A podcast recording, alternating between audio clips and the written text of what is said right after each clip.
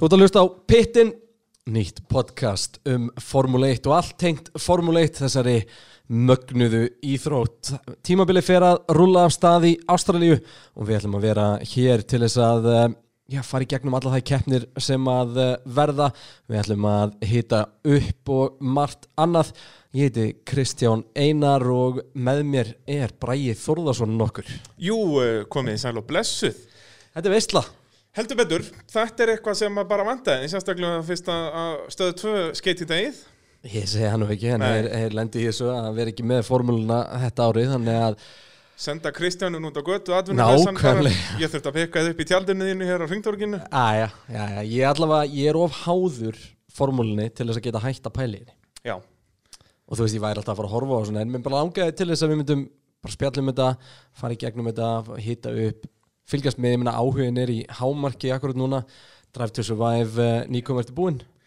ég er komin á áttund eða níunda, ég held að ég bara síðasta þáttin eftir. En ég er búin að sjá svo mikið úr síðasta þætti að ég held að ég sé búin með hann bara. Æ, ég kláraði þetta 28. februar. Já, þú tókst bara, þú bara ringdið þig inn vegan Ekki alveg, en og, og, og tókst bara rönnið á þetta. já, þetta, var- minn, þetta er ekki nema ykkur 6 tímar í hildina eða eitthvað. Já, já, s- Nei, kannski fjórir hver, eða þáttur, eitthvað. hver þáttur er alveg Nei, þeir eru reynda bara hálftími hverja, það er rétt Já. Þannig að þetta er einhverjir, já, fimm tímar 5 tímar, solid 5 tímar. En við ætlum einmitt að vera hérna, semst stefnum á að, að taka upp þátt alla sunnudaga bara strax eftir hverja keppni ekki þá alla sunnudaga, en semst þá sunnudaga sem eru keppnir þannig að fólk getur hlustað að þáttin annarkvort bara, já, strax á sunnudagskvöldi eða bara í vinnunu á mánudagsmótni Mikið rétt og uh, við ætlum að fara í gegnum bara svona svolítið hispuslaust allt það sem við erum að sjá, allt sem er að gerast okkur fannst tímabært að henda í eitt svona þátt til, já, áður en að fyrsta keppni ársins verður. Nú er réttæp vika í að uh, ljósinn slökni í Ástralíu Þetta eru uh, bara nokkri klukkutímar. Þetta er geggja oh, Þetta er geggja og það er nóg að gerast í formúlulandi getur sagt ykkur því að það er uh, já, fullt fullt af vesinni í gangi eftir uh, æfingarnar, það er allir brjálagur í Ferrari, það er allir brjálagur í Racing Point Ferrari eru brjálagur í koronavírusin það er Og Pirelli allt eru í líka gangi. brjálaðir og... Já, Pirelli eru brjálagur og þannig að þannig að bara hefur ekki bara henda okkur í þetta Hvernig væri það?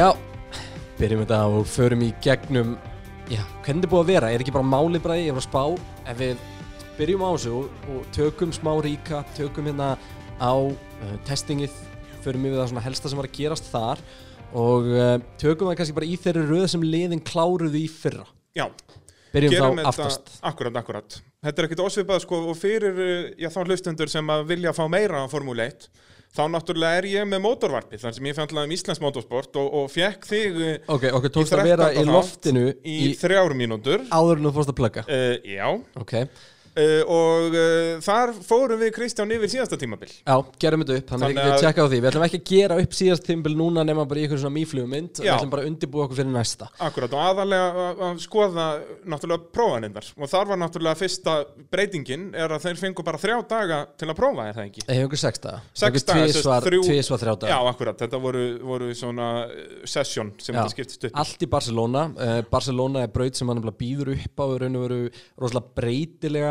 sagt, svona breytilega breytilegan karakter þú veist, þú ert með fyrsta kaplan sem er svona háhraðakabli svo ert með miðkablan sem er svona millirhraðakabli og svo ert með síðasta kaplan sem er bara virkilega hægur í raun Já, bara Monaco dæmi í rauninni Já, sko. og bara svona kót frá mér síðustu beðnar eru ógeðslega leiðilegar restin af Barcelona er yeah. Chikanin eru alveg glötu Já, það, þú veist, keppninar hann finnst mér alltaf að hafa verið leðilegar Í Barcelona? Já. Nei, ekki Svona sí- alltaf. Nei, ok, síðastliðin ár. Já, þetta verður svona verið náttúrulega Já, nei, já, nei.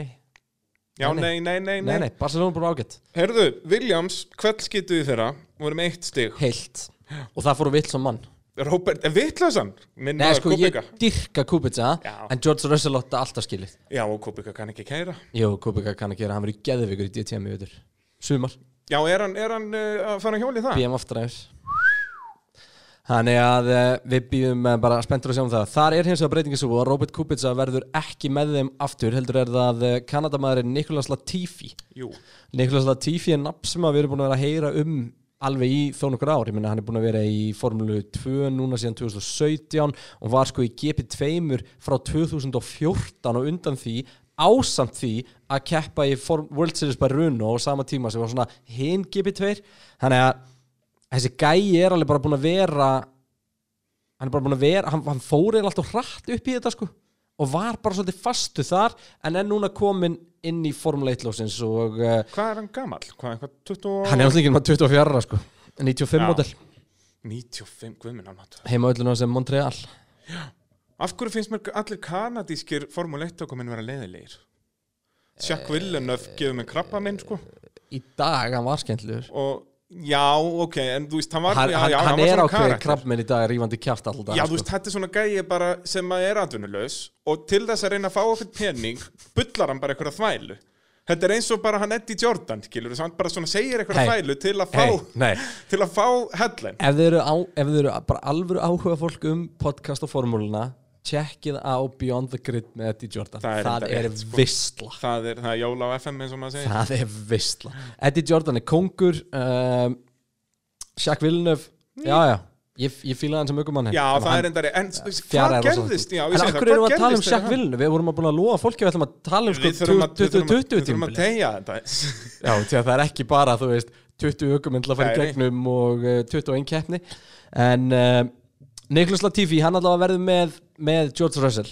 Og uh, ég held að George Russell sé hann er topp 3 mest spennandi aukumenni formúlda Heldur hann eftir að raskjalla Kanadamannin? Já, Já, ég held það. Ég held að þetta er fyrst hér, Latifi. ég er ekkit ég er ekkit spennt yfir Latifi. Nei, ég er alveg núl spenntur, þú veist, ég er jafn spenntur fyrir honum og landstról. Og það hann er Kanadamæður líka Ég Ég reyndar hef lúmska trú á landstróli humar Ég hef lúmska trú á bleika bílum sem hann er á. Já, En það, við, við förum honum, það hér, hér við setna En uh, já, þeir koma hann inn Williams klálega, klárlega mun betri í æfingum í áhaldunni fyrra. Og við erum alltaf bara nummer eitt þeir komast á brautina á degi eitt. Já, og gerðu líka það statement að fara fyrstur á Já, breytinu hann tróð sér Já. framfyrir til þess að vera fyrstur á við, stað. við ætlum, út af þeir náttúrulega kveldskiti þeirra og mætt of seint Mistu hann fyrsta deginu, með það ekki? og Ein- ein- misstu Einum og hálfum að degi. meira, jú, Ég held að það komið bara eitthvað upp úr þarna á öðrum degi, allir funnir ógíslegir veit það ekki, en ég meina það var eitthvað skrítið við það þegar að sko þú veist, svona senior management hjá liðinu var að fljúa með parta í handfárangri niðritir Já, þá er eitthvað hvað steikt í gangi? Já, þetta er carbon fiber pústlíf hérna sem Já. ég er með. Og festingar. Og festingar, þú veist, þetta er frekar spes. Og þá voru þeir nýbúin að ráða hann, hvað heitir hann sem við fengum frá Mercedes? Hérna, tækni maðurinn sem var búin að segja allt með Mercedes?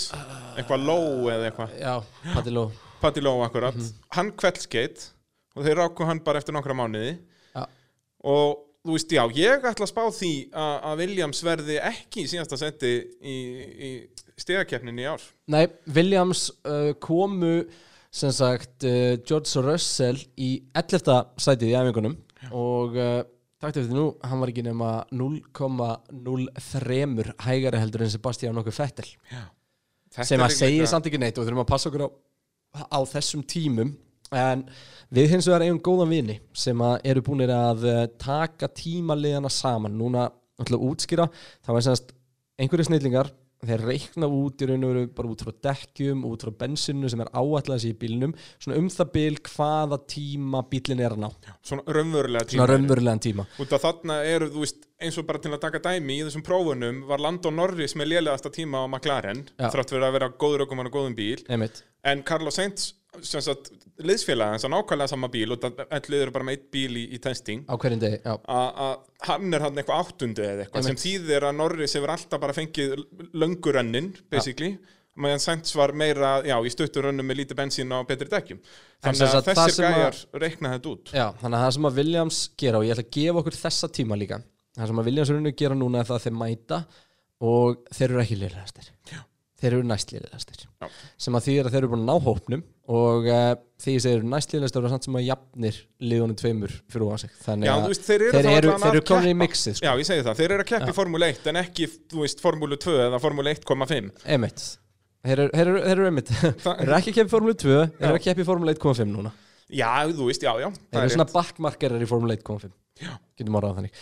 Að þannig getum við svolítið kannski bara afgreitt Williamsliði þeir eins og að voru lendi vandræðum með Mercedes mótorinn og Mers, það var svolítið saga þessara prófuna, það var að Mercedes mótorinn var ekki já, hann var bara ekki nægilega bara hann, hann var bara bila. Hann var ekki nú, já, hann var ekki nú, nú svona örugur í raun og veru. Og uh, það sem er sko í raun og veru skeri fyrir Mercedes liðin og er að það var aldrei sama bilinu það var alltaf mismunandi bilinu þannig að þetta er ekki bara eitthvað, ó, heyrðu, hérna, hérna er eitthvað vendil sem er ekki nú sterkur, við þurfum að skipta honum út. Þetta er bara alltaf mismunandi bilun þannig að það er áhyggju efni fyrir Mercedes liðin en Williams allavega.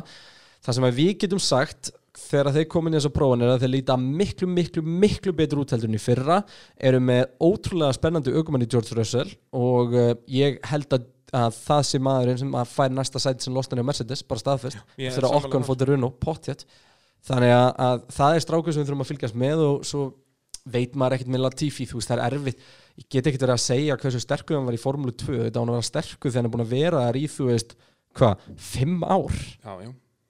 En, og síðan er þetta líka svo erfitt að, að þegar menn er að byrja í þessu og George Russell er náttúrulega ekkert besta benchmarkið sem að við vitum skilur kannski var Robert Kubica geðvægt góður og Russell rústaði honum algjörlega þannig að kannski er Russell bara bestur í heimi. Kannski var Kubica ógænslega lélegur og Russell var bara Russell svona pari. alltaf var að keppa við Verstapin og Albon og allir þess að gæja og var bara að vinna á sko. þannig að Já, já, við, við bara, býð spenntur eitthvað honum. Já.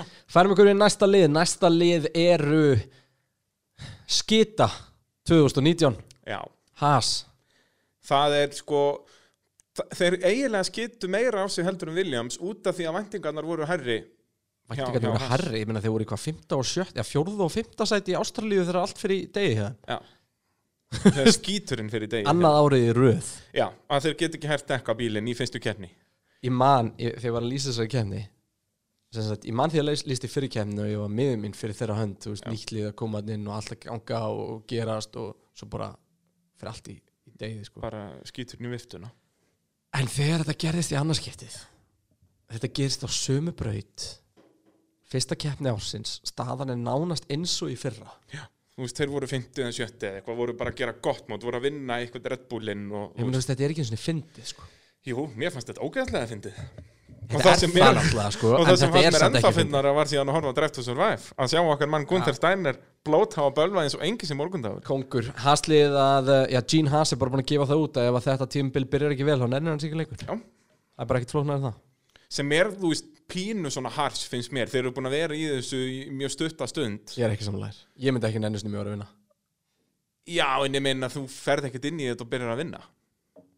Nei, en ég meina, þú veist, hann er að horfa á liðið sitt fara aftar og aftar og aftar og aftar.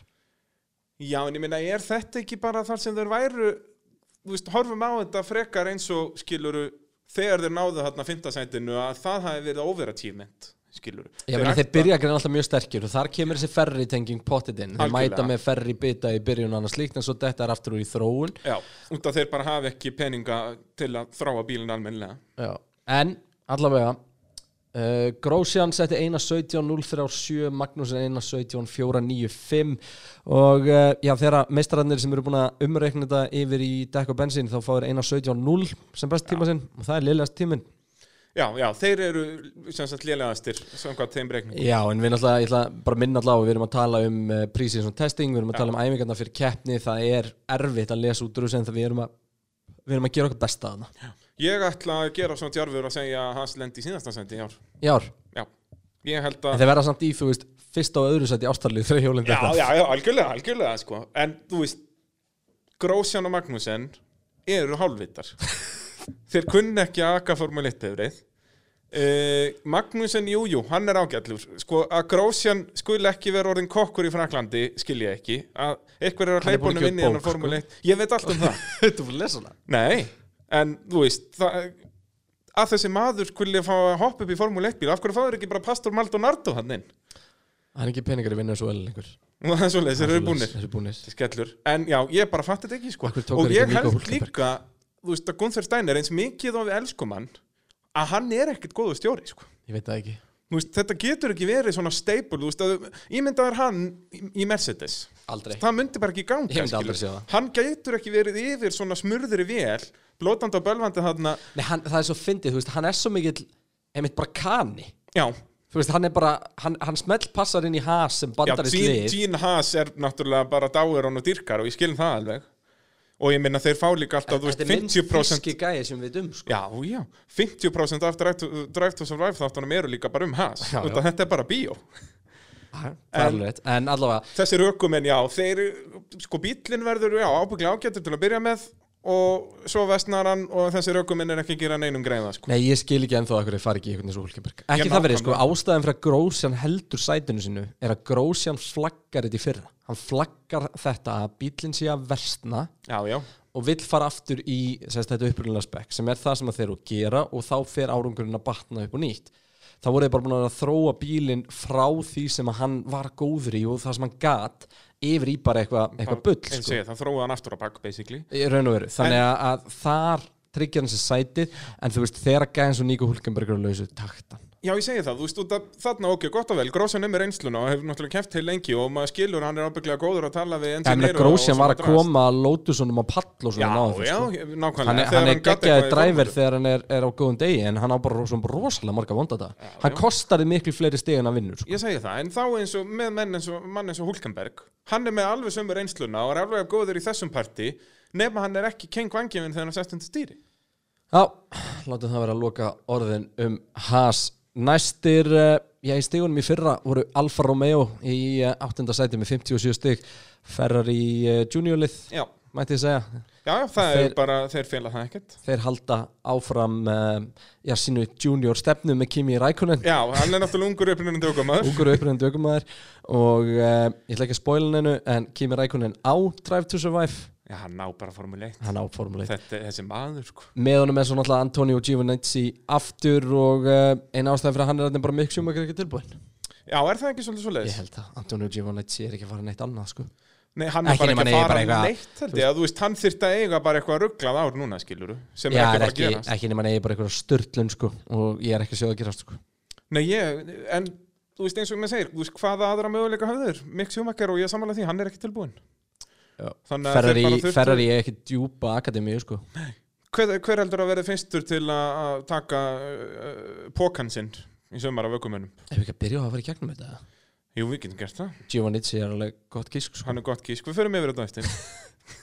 Gerum það. Þú ætlaði að vera með fullt af svona punktum Jú, svona var- Það aðeins var jobbið þitt En Alfa Romeo lið allavega næri í 57 stig. Í fyrra eru þannig að einhverju stigum á eftir Racing Point. Um, þegar allir tímanir voru settið saman þá uh, já, eru þeir jafnir Williams-liðinu sem uh, já, sjö- sjöundi, áttundi og níundi bílinn Já, Það þeir eru þrjú lið saman já.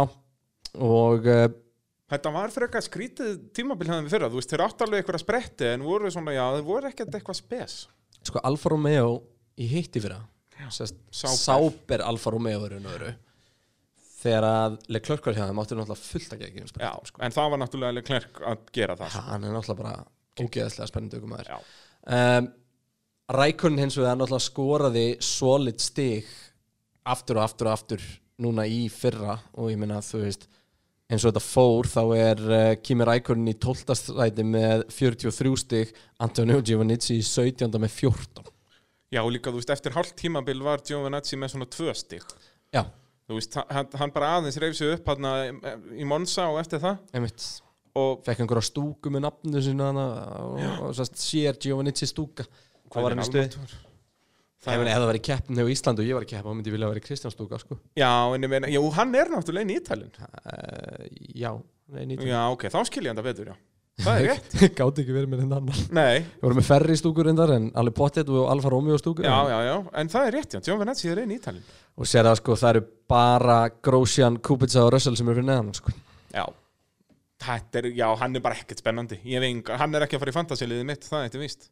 Nei. Reyndar meðan ég segja þetta, þá er hann í fantasiliðin Það var, þú veist, ég vildi ekki fá tussurnar tvær þannig að Magnússon og Grósjan sko. Þannig að ég þurfti að fá Giovinazzi inn Ég mæli, ég hvet fólk til að fara inn á Þetta er bara official fantasíleikur inn á f1.com Við hættum, já, það ekki? Já, þú, þú Bara pitturinn uh, lík. Það við þurfum að hjóli þetta Þetta er niður á Facebook. Eru við svo ekki eitthvað með Instagram og Facebook og eitthvað? Þú ætlar að í hjóli það. kemur Það- í Þetta kemur allir Ekki setja svona mikla pressa mig Sorry, bara. jú, ég verð að gera það. Við vinnum best undir pressu En Alfa Romeo liðið allavega síndi okkur í raun og voru ekki neitt annað en að bara bílinn er gull fallegur. Já, Hann þeir er- halda því áfram núna með Ah. bara sama lúk Hann er virkilega fallegur. Og uh, það verður bara spennandi að sjá Kimi Rækurinn aftur á þessu ári en þeir eru ekkert að fara neitt upp eða niður og ég meina eitt sem við komum inn á kannski á eftir þegar við fyrir að tala um svona þessi kontroversi úr, úr testing en alltaf með, með ferri mótorinn. Já, og það verður fróðald að sjá hvort að já, hvað gerist hjá Alfa Romeo þá? Já, Höldum áfram næst á dagskrá er lið sem við eigum ekkert að taka næst á dagskrá í þessu en það eru Racing Point og þar, þar þurfum við að ræða málin. Racing Point með uh, Landstról og Sergio Pérez og uh, já, ég ætla bara að henda því fram en að Racing Point eru samkvæmt öllu þegar við erum búin að taka saman tímana þriðja hraðasta liðið á brautinni einu sekundabróti hægara heldur Red Bull og á undan Ferrari. Á undan Ferrari, á undan McLaren á undan Runo Enda hef ég alltaf sagt það að 2019 bensin er helvítið hraður. 2019 bensin er nefnilega ekki lélögu bíl og sérstaklega ekki þú blandar saman 2020 og 2019 bensinum Já, þá er þetta golden stuff. Það er sem Þetta- fyrir þau sem eh, ekki vita. Þá er eitt bleikur Mercedes. Já, með Mercedes mótor og hann er alveg eins og bensin í fyrra Það er bara, eina sem er öðruvísi eru sem sagt sætpotarnir og það held ég að sé bara út af því Já, að þeir eru samt svo líki 2020 bílum Já, sko. út af því að þeir geta sérst, allir nýju bílarnir núna eru með minni gött, loftgött, þá greinlega bara náðu þeir að hanna vélarnar þannig að þeir Einmitt. fyrir minna loft og þá er það náttúrulega minna drag þannig að það er eini munnurinn að hann er með 2020 sætpotar Já. og svo allt annað 2019 bens fyrir utan hann er bara bleikur Já, og Þetta er fáránlegt. hann, hann fer hratt nefnilega og er ótrúlega stöður Þetta- og er bara mökkvirka, fer vel með dekkin þetta er bara eitthvað geggjaði kapparspil eins og 2019 Mercedes sem var. Jú, og uh, ég, ég veit ekki hvort það er einhver búin að fara á bensafnið og sjá hvort það vant einhverja bílar en það gæti alveg verið sko. já, og síðan í málingabúðin vantar að hann bleika litin hliðin á bensafninu, þessi fraga málingabúð þetta er alveg magna en er það þeir eru ekki að gera neitt sem má ekki. Nei, nei, þetta er ekki, það er engin að, að kommenta eitthvað að þetta sé ólulegt Þetta Ég er, stendur bara, mjög augljóst þetta að er megi. bara verkfræðingar að segja bara verkfræðingar keppa ekki svona. Já, þetta það er rauninu það sem er að segja en þetta meikar svo mikið sens. Já, auðvitað. Þetta er lið sem á ekki mikið af penning. Þú veist, af hverju er ekki Alfa Romeo bara með ferri frá því fyrra? Já, bara eins og Haas gerðu Já, fyrir og ég myndi bara vilja sjá að nota bílana frá því í fyrra. Já. Arrós voru mjög frægir fyrir þetta. Arrós bara. já, keiftu bara gamla bíla. Já. Það var ekkert flóknar en það. Settu bara hérna órans limmið á Já, og já, fór að keppa og segi pappans það. Max Verstappen fór að berja fólk. Já, eins og maður gerir. Maður gerir. Nei, ég meina þú veist þetta hefur bara ekki tíðkast í Formule 1 ég meina í síðast skipti sem maður sá eitthvað Jú, Dallara skaffa held í hasgrindina. Þeir sköffuðu hérna Manor bí, nei ekki Manor hérna HRT bílinn alveg bara frá grunni sko uh, en það er alltaf bara snildar kappast þess bíla Já, framleiðandi. Já, þeir sjáum allt Indikar og allt þetta já og allt, þú veist, kipi, ég held að kipi tveir sjálf på Jú. Dallara Og Vísirís og allt þetta. Já, og þú veist, Formula 3 og allt annað Uh, En allavega Racing Point annarkvort fóru bara ítt á copy-paste og tóku svo paintbucketið, bleikt eða þá bara hennilega fengið allt frá uh, Mercedes sem að væri nú ótrúlega grunnsaliti ljósi fullt af peninga og tenginga Já, já, en þú veist allavega hvern, hvernig síðan gerðu þetta þá gerðu, þeir- fóru þeir þessa leið. Og þetta var bara leiðin til þess að komast í toppin og ég bara er að segja ykkur að Sergio Pérez verður á velunapalli í fyrstu þreimi keppni Já, sko, ég ætla að fara Sest svo langt. einhverja fyrstu Já, já, keppni já, er ég já. að tala um. Út af því að ég held að við séum báðar sammála um það að þeir verða mjög snaggir fyrirpart tímabils og svo mun þróunin aftur að þeim í rauninni. Að Já, en af hverju ætti þeir ekki geta þróð? Því að þeir fyrir bara að horfa okkar Mercedes sem gera og gera eins. Já, jú, kannski En þú veist, svona raunverulega held ég að þeir verði eftir áskiluru En eru við hlindur þessu á mótsu? Ég er hlindur þessu mjög. Já, ég held hann líka, því að mér er eiginlega alveg sama. Já, þú veist, við erum með liðana sem er að berjast fyrir ofan. Já, og þannig erum við bara með þetta bara virkar, þú veist, þetta er svona í öllum keppnum, ég meina þú veist þú fer bara í, til dæmis Formule 3 þar getur við verið með nýja bílinn eða þú getur verið með bílinn sem er ára eldri og keppir í aðeins öðrum flokki, svona Formule Já, 1.5 en ógeðslega góður aukumæður á þeim bíl getur alveg verið að stríða í topp 5 í hinnu sko. Já, þetta bara gerir keppna skemmtilegri og við, við fáum sögur, skilur, þú veist, ef að Sergio Pérez vinnur báða Ferrari í Ástralíu, skilur, þá er það bara geggja þeirra alla, þú svo veist, staðan fyrir, utan Ferrari og handaðundur, en þú veist, það, er saga, skilur, það, er, það er ástæða fyrir við horfum á íþróttir. eins og staðan er núna þá á Racing Point að vera 0,2 sekundur hraðar heldur en ferri Já. það er bara þannig Já, Ferrari er búin að grænja og væla Þú veist, eru ég- þeir samt ekki að gera það sama Við og... tökum, tökum þá fyrir og eftir. Ég hef, ég hef mínar efasemdir. Þú hefur þínar hefasendir En uh, Racing sko- Point liðið allavega gríðarlega spennandi þegar með Sergio Pérez og Landstról og ég veit að þú ert ekki hrjónu Landstról Nei, þú veist, hann er bara svona blank piece of paper hjá mér, sko. Hann er ógeinslega góður í kappastri Já, hann er, sko, hann, kann ekki til hann er, tímatökum. hann er glataður í tímatökum og það er ástæðan fyrir því að Sergio Pérez hakkar hann því að Sergio Pérez er góður í báðu. Já. en Landstról er líla góður í kappastri Hann er mjög góð kampasinsökum, það er rétt. Og þú veist er hann er bara auðvelt skotmark pabbi borgar og allt það sko. Já, já, það er svona auðvelt að hata hann, sko. En svo er bara að tala um að Racing Point verður bara Aston Martin official á næsta ári Ekkert verið að tala um það, það er svo það leiðis er bara staðfist, já, í raun og veru. Það er Sem verður bara það geggjað. grænn eða, eða grætt sko. Já, ég vona að hann verði bara græn og blegur Þú veist, að þeir haldi þessu Já, haldi þessu BFFT-dóti Ég vil bara sjá hérna, James Bond að rúla í hlað á grænum Aston Martin bleikum. Það var, já, að hann var smá En þú veist, já, ég er allan mjög peppaður að fá Aston Martin í Sko þessi bleiki litur er ekki eitthvað Racing Point liturinn Þetta er bara allsponsorinn þeirra. Já, ég segi þetta, þetta er bara BFFT hérna, litirnir, Sem sko. eitthvað vatni eða eitthvað, ég veit Ég ekki hef ekki guðmynd hvað þetta er. Nei, Þetta getur annarkvort verið vatn, tryggingar eða banki. Mjög líklegt eitthvað þessu Það er allavega ekki Rich Energy. Þetta er ekki, ó, rich energy maður. Litla veislan sem það er. En uh, Racing Point allavega koma inn í þetta tímabil fáránlega sterkir þannig að ekki láta ykkur bregða eða ekkert fylst með og það verður bara bleiku bíl í eitt af fyrstu þreymur sætunum á, á, þegar við komum á ráslínuna í, í Ástralju því að það getur bara vel gerst. Já, Sergio Pérez er uh, mest selektaði ökumæðurinn í Fantasy. Það er allir með hann. Já, enda meika það bara svo mikið sens. Já, ég er með hann. Hvað kostar hann? Slett ekki neitt. Jú, hann er nú alveg mun dýrar en Landstról Ég er með hann að báða, sko. Já, mennar Já, Þú ert bara all in. Ég er all in Pink Panther, kallir minn. Það er bara svoleiðis. Durun, durun, durun Durun, durun, Ah. durun, durun, durun. Þú verður eiginlega að koma með eitthvað svona þýst þema í þetta Þetta er náttúrulega ekki lengur Pink Panther Þetta er náttúrulega bara Pink Ben sko. Það er rétt. Ah yes, the Benz is pink now. Ah, Nei, en hérna, þú þurftir að vera snillingur til að sjá munnin og uh, það væri hann verður bara, þetta verður svo áhugavert að fylgjast með þessu Höldum áfram, næstir á listanum eru lið sem að já, hjá okkur stendur Toro Rosso. Já, hvað er það? Hvað er það? Við ætlum að tala um Alfa Tauri. Alfa Tauri? Alfa Tauri, Þetta er Alfa Tauri. Alfa Tauri. Hlustaðu bara á það hann útlendingarna að tala um þetta. Þetta er allt Alfa Nei, ég Tauri. meina, Daniel Ricciardo heitir líka Ricardo, sko. Það er rétt. Hann heitir samt Ricciardo. Í, Það eru þín orð. Ja, Alfa Tauri liðið er uh, mætt í Formule 1 og Alfa Tauri er sem sagt uh, undir merki Red Bull og Red Bull ákveða að breyta Toro Rosso liðinu sinu yfir í þetta. Það er fínt því að þá getur fólk hægt að skrifa Toro Rosso sérst T-O-R-R-O-R-O-S-O.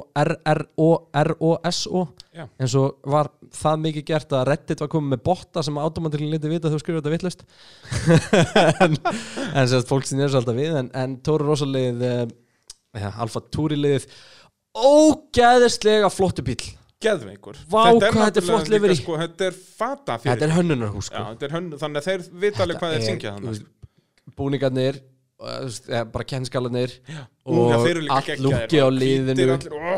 og bílinn, þetta er geðvikt og hann er geggjaður í braut og hann er bara ógeðslega flottur Já, sko, þetta meikar líka svo mikinn sens ef við förum bara að tala um markasfræði hérna að út að Toro Rosso, þeir græða ekkert á að, að þetta heitir Toro Rosso. Þetta, Núna, þetta er bara ekki neitt. Ég segi það, Alfa Tauri er dót sem ég hafði ekki hugmynd um hvað er, nú veit ég hvað það er. Þú búin að panta þér eitthvað? Já, blessa, verður maður, ég er í Alfa Tauri nærbuksum as we speak. Fíla. Gera þær nærbuksur? Já, Öruglega ég er í þeim, ég er líka drekkandi Rich Energy hérna. En Alfa Tauri liði allavega verður með uh, já, bara sama sömu aukumenn og þeir enduðu tímbili fyrra. Með við erum að sjálfsögða að tala um uh, Daniel Kvíat og uh, Pierre Gasly.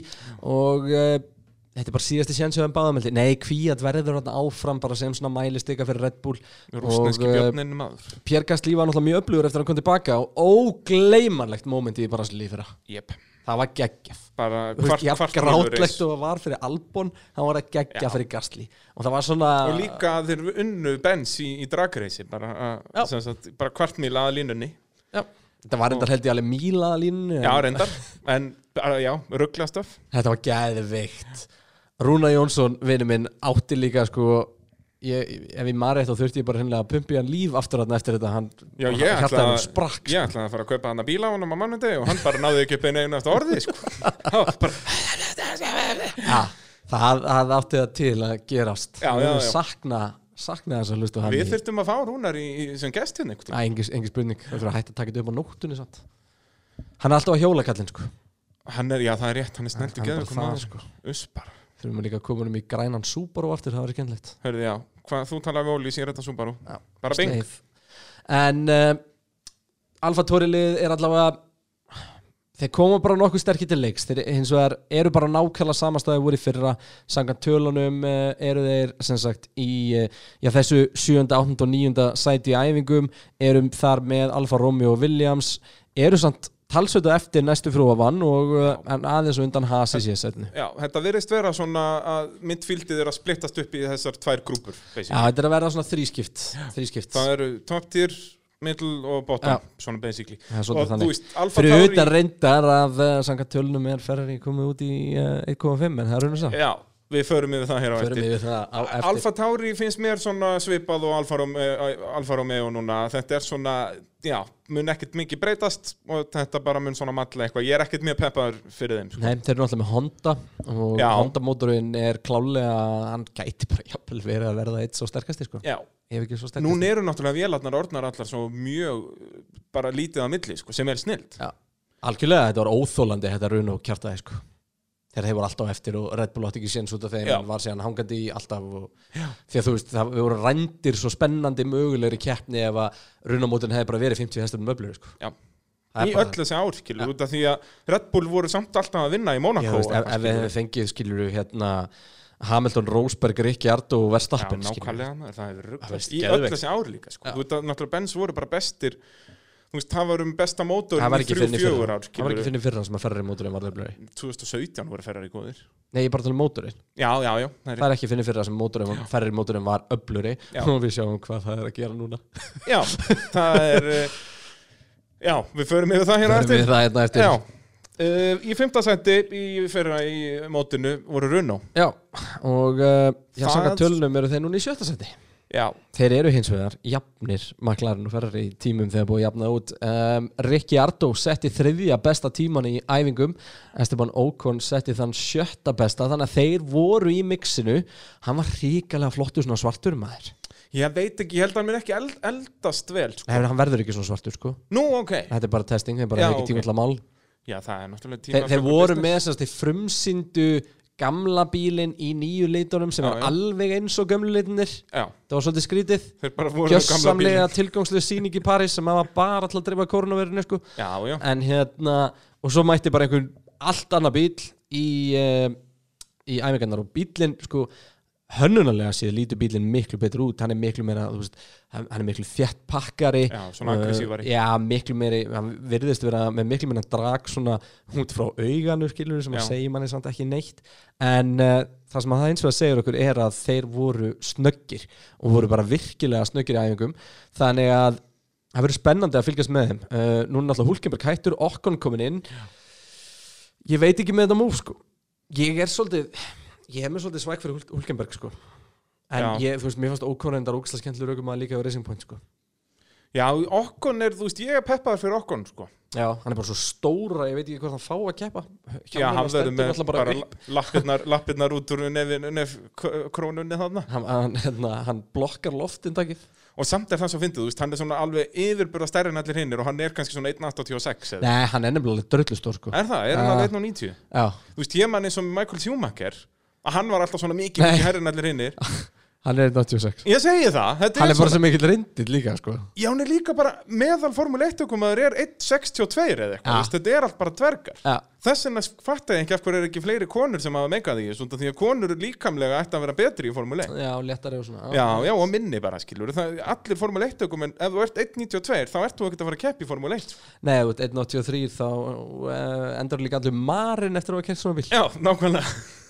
það Þú kannast við það. Þannig að, já, En uh, run og liðið, þeir Já, náttúrulega enda í fyrra í fimmtasætinu, endu í fjórðasætinu árað undan því.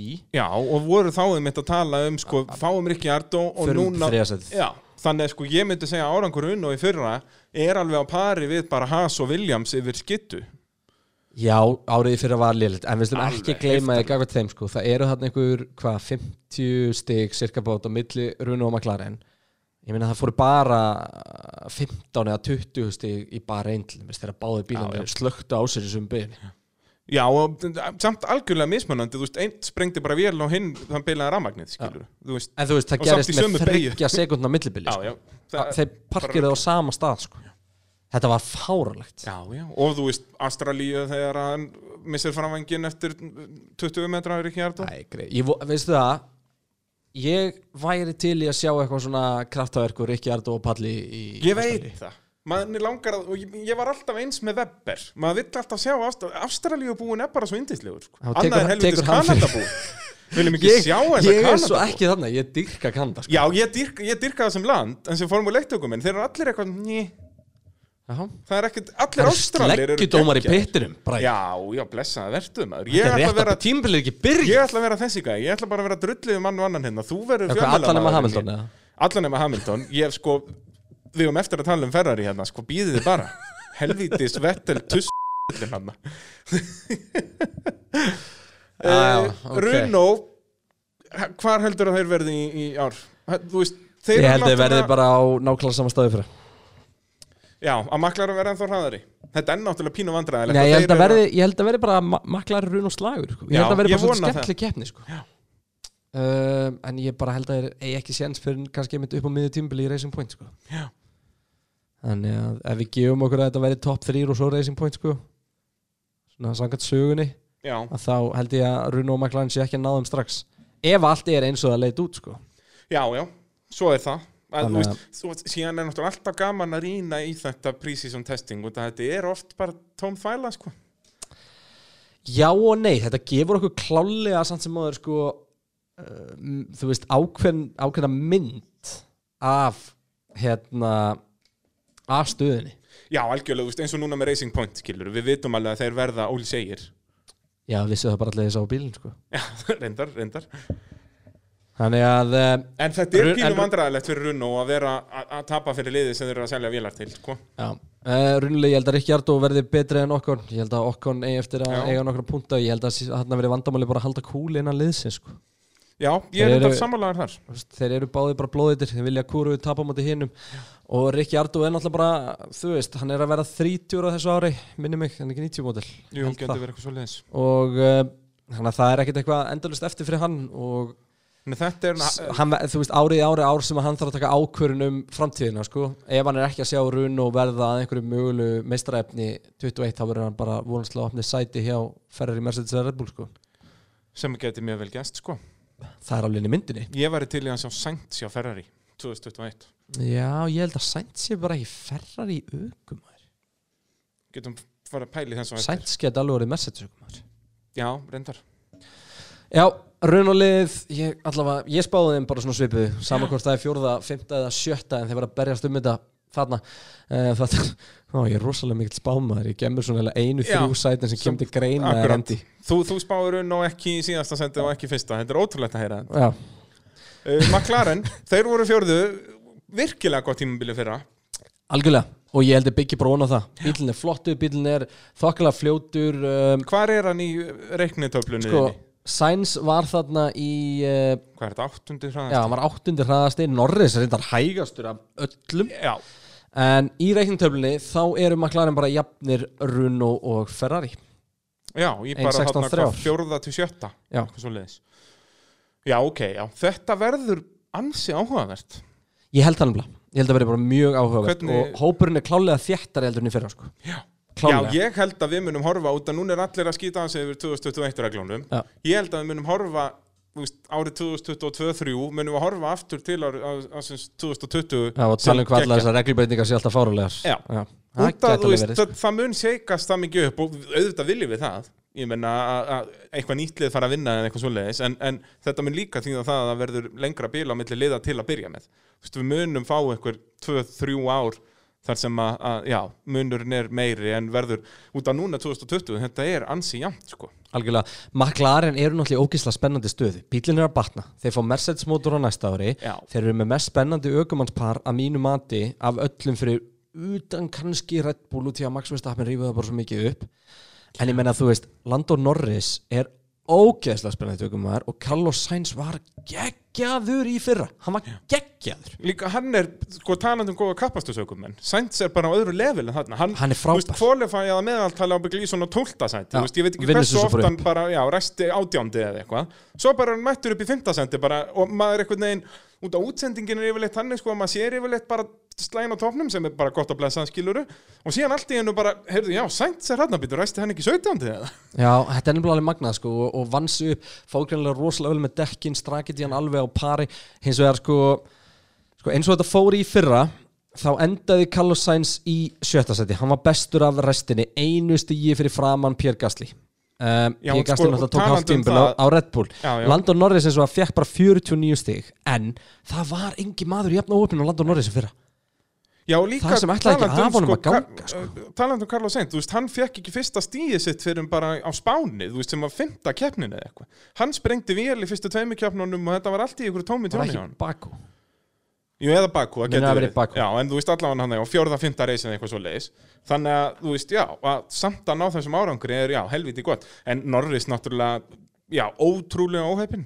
Þú veist, eins og bara Spa var náttúrulega bara next level dæmi, sko.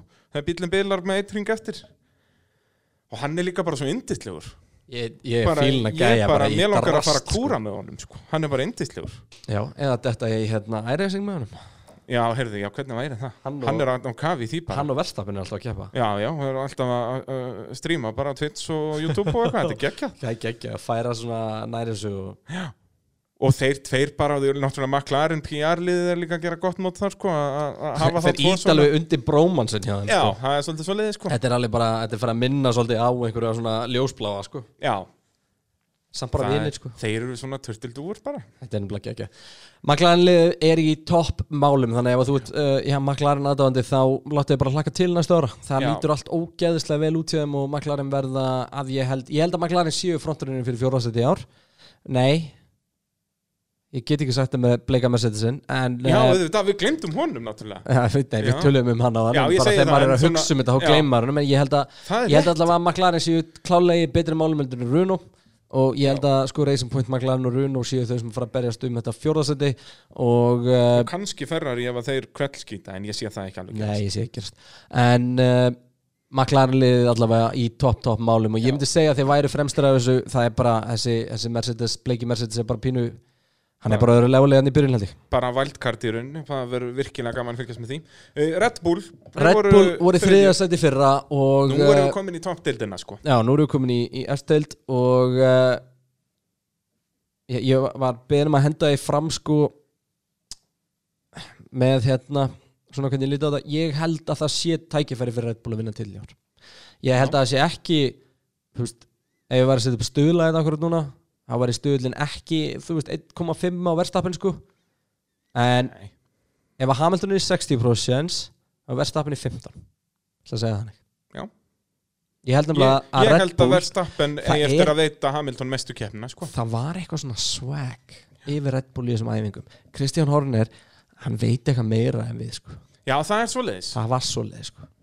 já ég, það fór fram hjá mér sko þeir eru þeir, þeir, þeir voru pínu kokki sko. já en þess að segja nokkuð skapaðan hlut þeir myndu aldrei fara að gefa svo út sem að þeir væru í, eftirsætinu en það var eitthvað það var einhver undirtótni í þeim sko.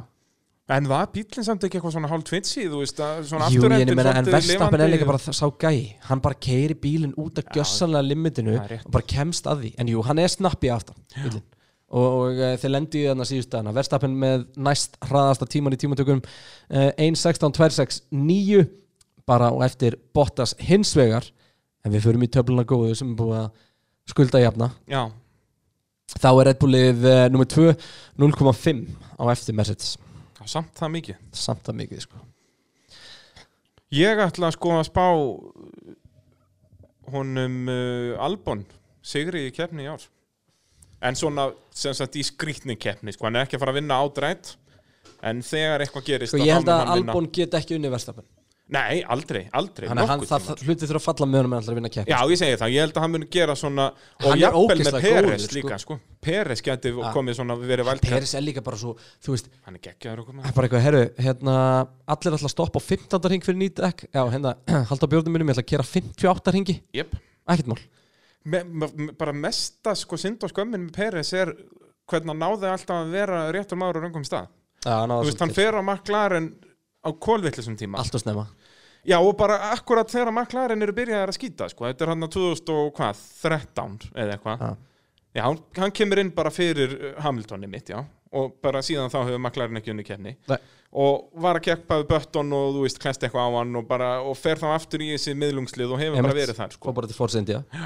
Þannig að þú veist, pínu leðilegt en já, það vita allir að hann er geggjaður okkur Hann er ógislagur Og uh, en heldur að Red Bull muni halda þessum tveimur ökumennum allt tímabilið? já Verstafinn er búin að skrifa undir Og ég Já, held að ég er ekki að Albon tala um Ég held að, ég held að sé ekki að fara að, að Hrókja þessu.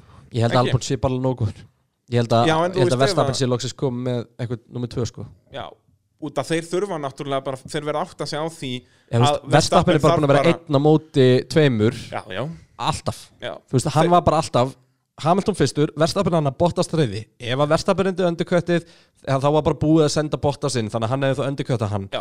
Og þú veist, þetta var bara alltaf svona Já, það var, þeir voru alltaf bara, aukumæður nummer 2 hjá þeim var alltaf bara í sjötta sæti Já, þá var bara sko. Gastli eitthvað með brotin afturvæng eitthvað Já, bara í 12. láta, seti láta sko. ringa sig og Já. þú veist, já, já Núna þurfa Red Bull bara svolítið, já, að átta sig á því bara, Og ef, ok, ef hann var ekki alltaf að ringa sig þá var hann eitthvað fokk í Verstafinn sko. já, já Þú veist, eitthvað að.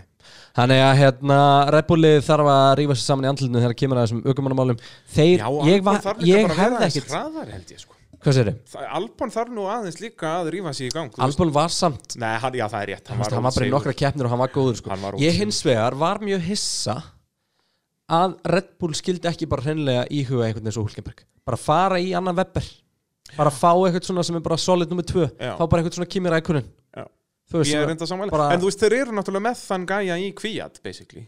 Nei, Ekki? Nei, erum við gæða sem keira alltaf á fettil Já, það er enda rétt. Torpedoinn maður. Ég elsk hann Já, ekki, mjög gaman að rússneski mjög gaman að kvíat sko. en hérna, nei en þú veist, þetta er eitthvað svona það var eitthvað svona það var eitthvað það vantar eitthvað hana og ég hefði alveg ég hefði alveg kiftað þegar við bara náð sér í svona Bottas. Já, já, já það- er verið rétt, nummer sko. eitt í öllum öðrum liðum nema Ferri Já, og hérna, ja, Ferri og Red Bull hann var nummer eitt í öllum liðum.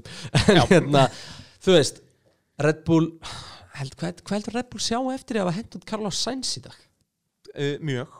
Þeir náttúrulega gerðu þeir þann stíl út af Runo sko Já. sín tíma. Já, já, og náttúrulega Carlos Sainz og Verstappen gátt ekki verið leysulega sko. Já, já. Þannig að það er kannski, þú veist, það er auðvitað að segja þetta en, en allavega, þú veist, þeir eru ekki, eru ekki í endla toppmáli mögumanslega síðan Albon er, er Nei, al, við þurfum að gefa Albon bara meiri tíma sko. Veist, hann, hann stóð sér sko- hjá, framanaf hjá hérna, hann var, og hann var alls ekki lélugur bara fyrsta keppna svo spa var strax mjög impressive sko Já, hvað eftir fyrstu sex keppnundar hans eða eitthvað Þá var hann komið 30 stöðum meira en við stappen, sko. Já, var það ekki? Verstappen Já, reynda var í krassa fáralegu runni og- þannig að- og var alltaf að fara efsingar og eitthvað. Uh, Red Bull, já, þú veist, þetta er líka svolítið mikið vesinn hjá þeim út að þeir eru með Verstappen sem er bara nummer eitt og er bara bestu okkur og liðið er bara smíðað utanum hann. Já, og sí, en síðan eru þeir með þetta driver-program, þannig að þeir eru alltaf að fá unga Já, það er samt enginn að koma. Nei, nei, en svo, Þeir eru búin það er búin að tæma dræfuprógramið sitt. En þú veist, það er businessplanið þeirra skiluru að þeir vilja ekki fá einhvern Hulkenbergarn inn en þeir þyrfti eiginlega að gera það út af því að annars fá þeir alltaf eitthvað svona Carlos Sainz. Já, sem allar hann að sanna sig Já, og fer og- síðan eitthvað að rífa kjáfti Verstappen og Akkúrat, vera með eitthvað bögg maður sem ég held að gæti verið með bögg er Alexander Albon. Já, hann er alltaf vinalegur, hann er svona eins og Norris. Já, Hann er bara eitthvað bara svona, hæ, ég var tælandi. Ég er indislegur Nei, ég meina þú veist, gæin er bara hann er, hann er einum og brósmöldur að ljúga Já, já, bara indislegur uh, Red Bull voru 260 stigum á undan McLaren í fyrra. Heldur að þetta bil verið minna í ár Já, ég held að verið til að McLaren munu vera miklu meira konsistant í að skora þú ég, held, ég held að ég er tala um erfiðara. ég, ég held að það veri erfiðara fyrir Haas, Williams, Alfa Romeo að skora stig í ár heldur en í fyrra. Já, bara út af því að það verður minna rugg á þú veist, allt í einu komið bara inn í keppni og run og eru bara nowhere, skilur og svo bara allt í einu mætum við á Monza sem er bara lélegasta brautina með runopakkan og þeir eru bara geggjaðir. Þú veist, þannig að þetta meika einhvern veginn ekkert sens þannig að uh, ég held já að McLaren, þú veist, ég var ekki til þess að McLaren færi bara yfir 200 stíð á sko. Eða Racing Point eða hvað það væri, Já. skilur, bara þessi miðlungslið Já. Ég er samanlega, ég held að þetta bili eftir að vera minna þú veist, þetta verður ekki 260 stygg, sko þetta verður kannski 150 já, og ég hugsaði sko að þótt að Williams myndi gera 20 sinum betra heldur en ekki fyrra þú veist, þá verða það samt ekkert með bara eitthvað þú veist, 80 stíð eða eitthvað sko. Þá verður það með 20 Þetta ekkert í þetta Er ég ekki með eitthvað takka fyrir þetta? Ó, já við ætlum að nota það sem minnst. Nei, en þú veist, að það, það verður bara erfiðar að fá stig sem aftarliðin þetta árið. Já, ég er sammála. Það mun allir fá stig held ég sko, en það verður bara erfiðar Það koma náttúrulega alltaf þessi wildcard races sem eru svo indisleg sko. Já. Red Bull eru klálega liðið nummer tvö akkurat núna fara inn í fyrstu keppnina sem liðið til þess að challengea Mercedes, það er Yep. bara þannig. Þá hins vegar færu okkur liðin sem var nummer tvö í fyrra og átti að rústa þessu tímabili á þessum tíma í fyrra. Það er uh, Ferrari og sko vandamálin hætta ekki hjá Ferrari. Þeir koma, fara inn í þessar æfingar og þeir eru bara fínir. En þú veist, það fór út bref brali, í dag. Og nú bara það er eiginlega út af þessu brefi sem að ég held að þetta sé allt kjaftaði því að hvenar hefur liðstjóri sendt út bref á alla sem vinna hjá fyrirtækinu að byggja um að vera ekki með of miklar væntingar því að SF1000 bílinn sé bara ekki nóg góður Var það svoleiðis? það gerðist í dag Þú ert að segja mig hann mánudaginn Binotto- 9. mars sendi Binotto út skilaboð á alla liðsmenn Ferrari um að stilla væntingum sínum í hóf Af hverju myndi hann gera það? Til þess að það fær í fréttinar og til þess að allir séu búin að afskrifa þá þeir koma svo að vinna í ástæðli Já. Ég, ég trú ekki öðru. Bara Þeir- eins og sko- Mercedes í þeir voru ógeðslega fljótir í fyrra. Sko Mercedes náttúrulega bara voru raunverulega ísma vissinni með bílinn. Þeir föttu hann og, og voru að uppfæra hann alveg fram á Já, ástæðli þeir mættu basically með tvo algjörlega mismunandi bíla í prófanir Já, fyrra. þú veist, yfirbygging var allt öðruvísi. Já, já, þannig að sko gera það ekki ár klálega en Já, þannig að ég velti í fyrir mér af hverju væri hann að gera þetta brefið þetta væri En raunverulega líka þú veist, hver er besta leiðin til þess að láta eitthvað leka? Þú Já. skrifa það niður og sendir á alla R. Já, Aller, að gemil Alla R at Ferrari punktur it. Já, hérna, já.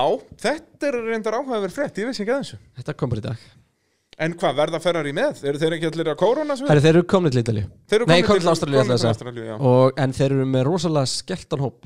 Já, Rosalega. Þannig að um, það er spurning hvað áhrif það hefur. Og svo skulum við ekkert vannmeta það. Ég meina, ef að það er alltaf lockdown Það er allir í paniki hann í kring. Ítalíu er literally í paniki Já, í það eru bara bara, mörg bara hundru sótkví. manns búin að látast. Veist, Þetta er, er er ástand það verður ekki íþróttaviðburður haldunar uh, fyrir 4. apríl. Já, í fyrsta lagi Þannig að þú veist, það er allt í rugliðar og uh, sagt, Ferrari er þarna á norður Ítalíu.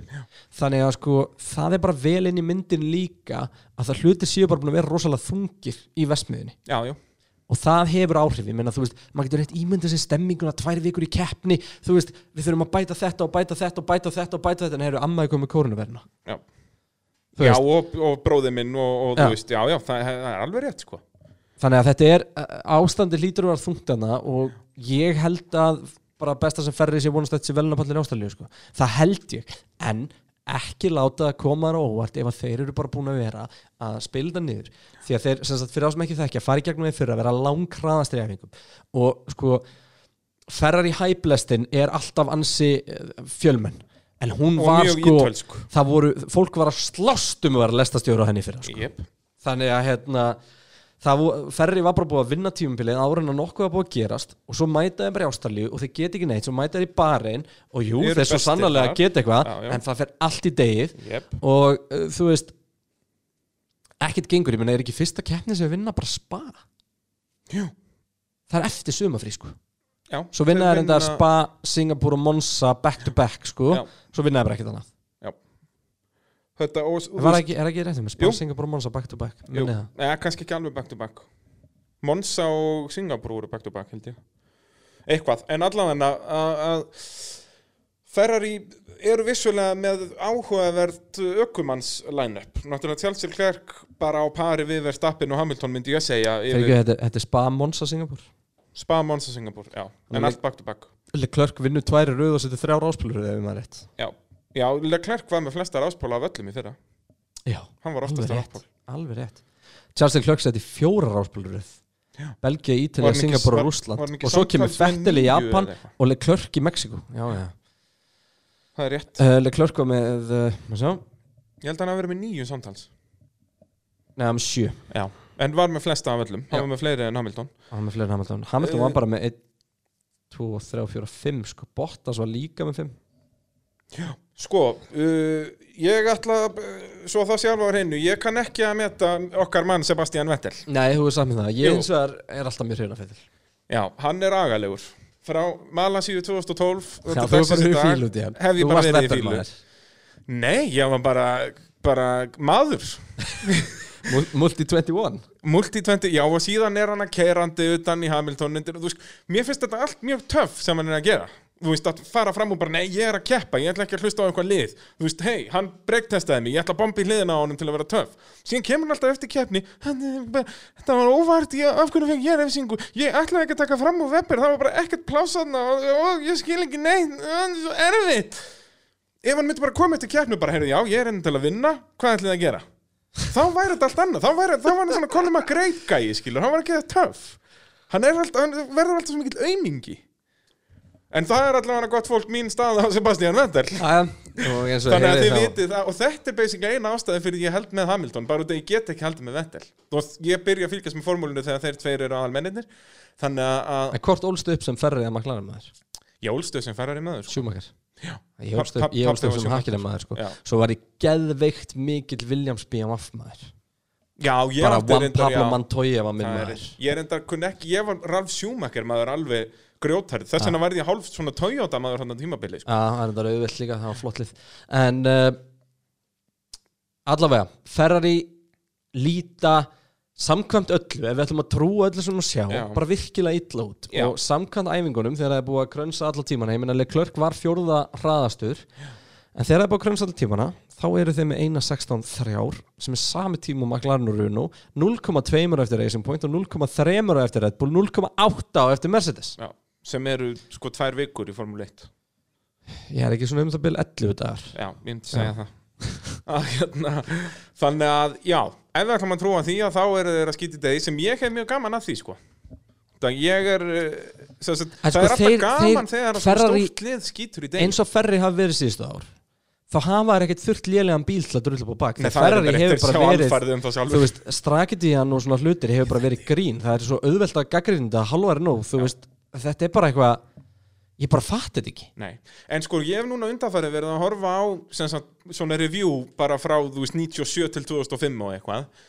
Þá var þetta bara, voru allir í þessu svolítið sko, það var ekkert skrítið að lið voru hérna aðeins, jú, Ferrari náttúrulega með Brón og Tott voru ekkert mikið í þessu en samt, þú veist, ég held að líka Nei, vera- var líka ekki 300 manna her með upplögastu útreikni nei. algoritma í heiminum að reikna út sko. Já, og en- svo bara eitt Sebastian Vettel sem að segir nei, ég held að þetta ekki séu fín. Já, en þú veist, ég held líka að við erum að, að horfa á þetta þannig að jú, Ferrari eru sjambúls, þú veist, þeir eru alltaf ítalskir og, og eru svolítið, já, út um allt. En þeir eru líka að keppa við Mercedes sem er bara tölva veist, þetta er bara Þetta maskína er fáralegt við, við lið sko. Þeir eru jafn þýskir og gera- hægtir Ég sko. segi það, sko, veist, þetta er bara maskína og gera ekki mistök og bílinn bilar ekki. Nema þegar Netflix kemur í heimsók nema það er Netflix kemur heimsók, vonandi gera þetta oftar í ár.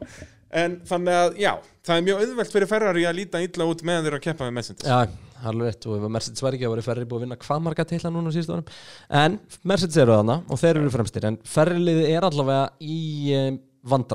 í og uh, svona allavega eftir því sem við best vitum í eina viku í viðbót eru þeir í dröllu miklu vandræðum. Ég er svo ógeðslega spenntur fyrir Þetta verður svo geðveitt maður. Bara sjá þetta, þú veist, ó, Racing Point eitthvað, ó, þetta er allt og gott, sko. Heyrðu, Mercedes, Nei, klárum aðeins ferri Já. sko, Við erum með Fettel og við erum með Leclerc og uh, hvernig, hvað mun gerast þar í sumar? sko er Leclerc ekki bara orðið nummer eitt? Jú, ég meina, þeir verða þá ákveða það núna. Þeir eru ekki frá kveðan Þeir eru alveg meinill að farnir og búin að vera þarna, sko, þessir ítalar. Þeir verða bara að sko, taka Fettel stansi er ekkert að fara að kera nummer tvö. Þú veist, ég, ég er að segja að Fettel hefði farið ef þess að hefði verið stilt svona upp fyrir hann. Já. og ég er ekki að segja sko Ferri gerði ekki til að missa hann ekki þeir bara gerðu það ekki. Annars hefði Fettel aldrei guttir að hann að hára það Já, já, það er rétt svo sem þetta er góða punktur En já, þannig að þeir eru að fara inn í þetta ár alveg eins og Mercedes segja. Já, erum, þeir eru jafnir einmitt, hérna, þú veist þeir fara inn í þetta ár að berjast eitthvað og þú veist, ég, ég hendi fram í haust þannig að þeir vorum að tala um þetta það væri eitthvað svona ferrar í legasti hlutur í heiminum að vera langbestir allt tímabilið og annar aukumæður enda með, þú veist hvað, 300 stig og hinn 299 en svo kemur Hamilton með 305 út af því að, þú veist Og Bottas Og með Bottas með- 120, já, skilur Já, þú veist, uh, ferri sko dominera Construction Championshipið Já. en uh, klúður þessu á því að gefa hvorum sjens og þetta verður eitthvað svona, þú veist, hvort vinnur ferrar, nei, Leclerc eða Fettel í Abu Dhabi og verður mestari en uh, Þetta verður bara eins og 2007 Hamilton er með outside chance. Þetta er 2007, þá voru McLaren svona með Alonso og Hamilton, langbestir. Já. svo kom Rækonen og vann titil en veit ég þegar uh, hérna, Fettel þannig sem vinnur fyrst titilin sinna. Átti ekki að geta unnið það. Já, nákvæmlega, nákvæmlega. Veist, þannig að hérna, þetta er þetta er, þetta, þetta er skrítin staða sem þeir eru í og, og Já. en Leclerc er bara svo góður, en veistu það? Já, hann er líka bara framtíðin, skilur þú veist, Þeir það, verða en- aðeins aftur að segja því, sko, að Vettel er ekkert að fara að vera þannig næstu þrjú árin sko. ég sko, ég, ég, ég les ekki Leclerc Nei, ég, ég les ekki karakterinn sko. Nei, hann er mjög svona sem sagt, í viðtölum og svona er hann bara svona eitthvað eins og eitthvað vélmenni, sko. Já, bara svona, ég þarf að segja þetta. Svo er alltaf að skamma sjálfan sig Já, er mjög harður að segja það er svona ungir ökuminn Já, eru það það er flott, sko. Já, já, En hérna, en þú veist, hann, hann svona liggu minni með á hérna, hann, heit hann ekki Dobby, hérna Harry Potter sem alltaf að Jú, alveg sig? rétt að berja sig með bók í Já, hausinn hérna, og priki. en, en samt, þú veist hann er samt svo glerharður sko. Já, líka, ó, með alltaf grjóthörður eipangliru og þannig maður þetta er, er, er posterbói sko. Heldur betur þessi maður. gæði lappar í Monaco að ápleysi sko. Já, ég er bara eins gott að þú myndir ekki koma inn í herbeggi mitt. Það eru nú ófáir pósterar á honum í Æ, leikslið æ. Varst ekki Hamilton maður aðalega? Jú, nei, þetta er bara útlitslega veist, Ja, Þetta er ja. bara það sem ég geim undir rúmi Við skulum ekkert fara í það nánar hér En Hérna. uh, þannig að þar held ég að liggi svona ákveði vandamál hjá ferri að Já, þeir get þeir ekki ákveðið sig og þetta er alveg nú góð til að vinna keppnir sko. Já, og klörk, klörk mun vinna keppnir en þeir manta bara annar vinni allar Já Þetta er, þú veist, eins mikið og ég kann ekki að meta Vettel, þú veist að hann er geggjaður ökumæður Það má ekki gleyma finnst það gera er svo að fljótt gera svo einhvern mikið að veginn. mistökum að Ég árum veit sko. það, það er eitthvað Hausinn gerðist er bara í eitthvað sko. Hausin á honum er ekki í toppmálum það er engin, fyrir utan kannski Hamilton sem er jafn góður í að taka keppni og leiðana um, Fettel Red Bull að bara, Það var bara bara, eitthvað- bara rögg sko. Það var bara, hann ræsir, þú veist, fyrsti, annar eða þriðji, er komin upp í fyrsta seti, á fyrstu 20 ringjónu vinnur hann sem 25 sekundur og er svo bara með reysið, og þetta ger hann bara aftur og aftur og aftur og aftur og aftur. Þannig að, já, en núna einhvern veginn er hausin á honum, já, mistökin sem hann að gera, þetta er bara magnað, sko. Já, Að þetta á hans kaliberi er bara, sko, þó að bara George Russell væri að gera svona mörg mistök, maður myndi samt vera að byrja, heyrðu, það er nú eitthvað að þarna, sko. Já, hann er bara málið En um, Fettel er alltaf ferri jökumæður og það er Verður hann ferrar að þar. eftir uh, 2020? Veistu það, akkurát núna veist, ég, ég, ég get ekki sett að með hattinu spáð sko. Nei, þetta er, ég er samanlega, þetta er mjög erfitt þú veist, Ok, segjum það að að tímabili núna verður bara svipað og í fyrra Þú veist, Ferrari verða þarna nummið tvö Nei, og, þá er hann hættur. Leclerc, já, þá er hann hættur Ég er sammála því held ég, ég Þú veist, ef þetta ég held að verður hann hætti þá bara í Formule 1 sko. ekki nema þá bara Hamilton hætti og hann fóði Mercedes sæti sko. sem Já. af hverju ætti hann að fá það Já, það er enga líkur á því. Eða þú veist, fyrir utan kannski að Mercedes langi til að vinna með þjóður sko. Já. en Nei, samt af hverju myndi Benz taka Jú, jú, það getur svo sem alveg gæst Ef að Hamilton hættir. Já, hann geti alveg gest en ég er ekkert vissum að Fettel myndi endilega vinna bóta sko. ekki eins og staðan núna. Ég veit það samt ekki, jú, jú, ég held það jú.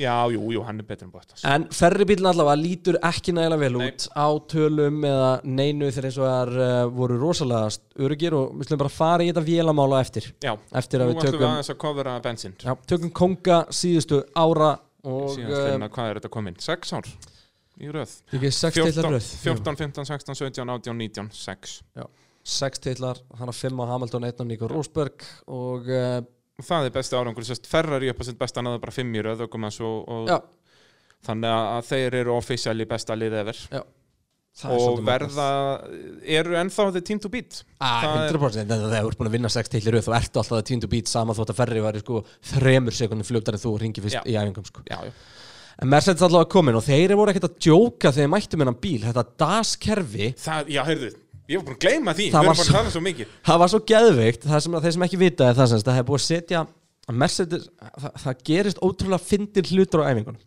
Þar sem að allt í einu það er allir að horfa á skjáin og rýna í og því að Hamilton er að gera eitthvað á stýrinu. Og það sem hann er að gera, hann er að toga stýri nær sér. Og svo setur hann að fjær og hann kemur í beig og málið það semast að reglunar er þannig að það má ekkert breyta uppstillingu bíls með neinu, neinu hjálp. Það má ekki vera rafmagn eða glussa kerfi basically. Þetta verður alltaf að vera mekanískt. og ekki vera tölvustýrt, það verður Ekki- alveg mekanist að og sem sagt gera ökum það. að þeir merður að gera Já, og þeir komið með þess að briljant löst því að sko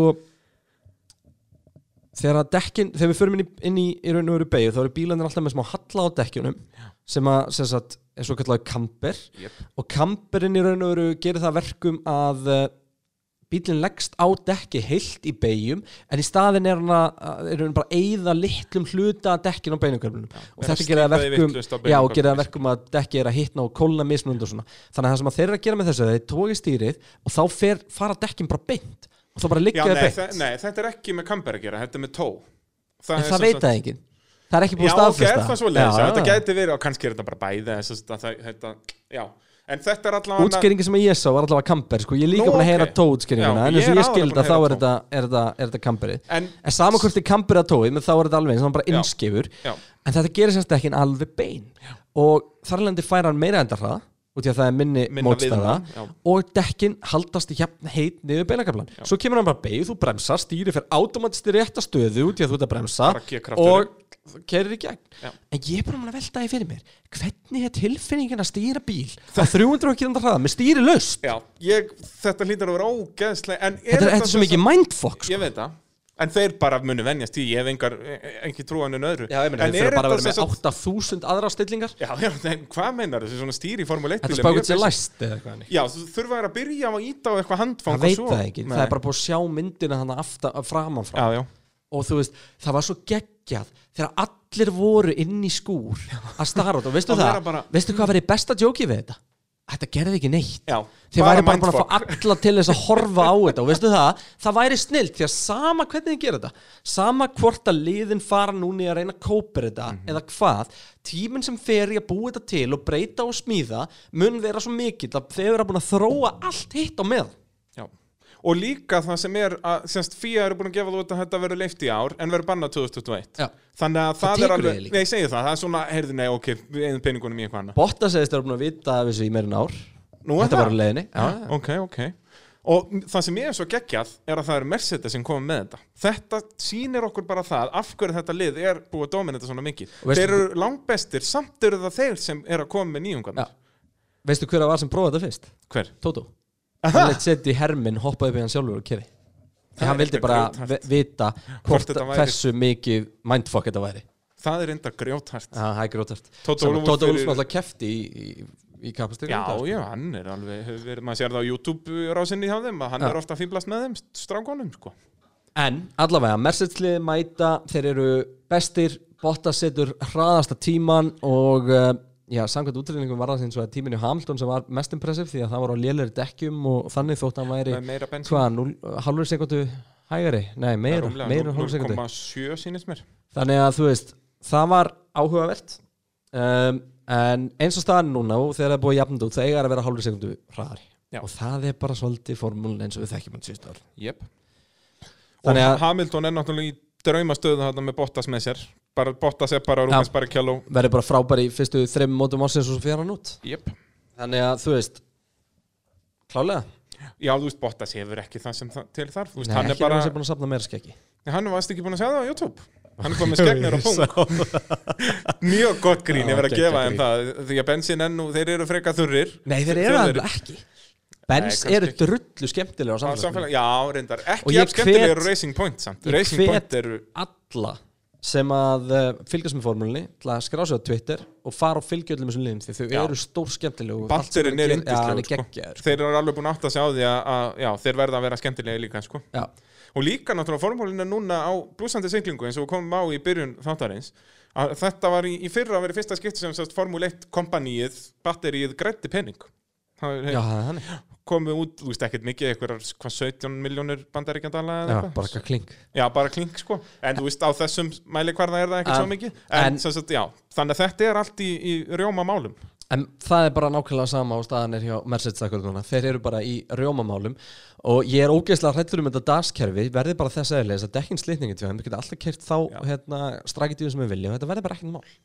Ég, er bara við ekki það er eina svona sem ég er hrættu við að fara inn í eitt tímil Það væri alveg magnað sko. Ef að þeir gætu komið með þennan ás upp í erminni bara og gjörsamlega slátrað. En ég meina, já, á pappýrum gæti þetta alveg verið svo leiðis Það er nú málið. Ég er svo spenntur. Að hálfa verið hellingur sko. Þetta er geggjað, Þetta er þetta er að byrja næstu helgi. Hú. Þetta er að byrja um næstu helgi Mercedes í toppnum og Já. uh, ef ég bara rúla með ykkur aftur inn í gegnum þetta eins og staðan er sem þegar búið jafn tímana þá eru Mercedes fljótastri æfingunum Red Bull nr. 2, Racing Point 3 Ferrari 4, McLaren 5, Renault 6 Alfa Tauri, Alfa Romeo og Williams allir jafnir hann í 7. 8. og 9. reyndar eru sett, Ferrari, McLaren og Renault jafnir líka en þetta er reyndar bara nýra sekundubrót þannig að það er Já. þannig sem þetta skilur að Haas síðan að rega lestina og þetta byrjar allt á Já, æfinga byrja á föstudags morgun í Ástralíu það er keppni á laugadaginn og, Ja, nei, fyrir ekki tímatökur á laugadaginn og keppni á sunnudaginn sunnundags morgun. Þannig að þetta er þræl spennandi. Og uh, já, við erum að fara að fá sem sagt, keppnir núna. Við byrjum á því að fara núna bara næstu helgi til Ástralíu. Svo fyrir við á áhórandalösa Bahrein strax helgina Heyrðu, þar á eftir.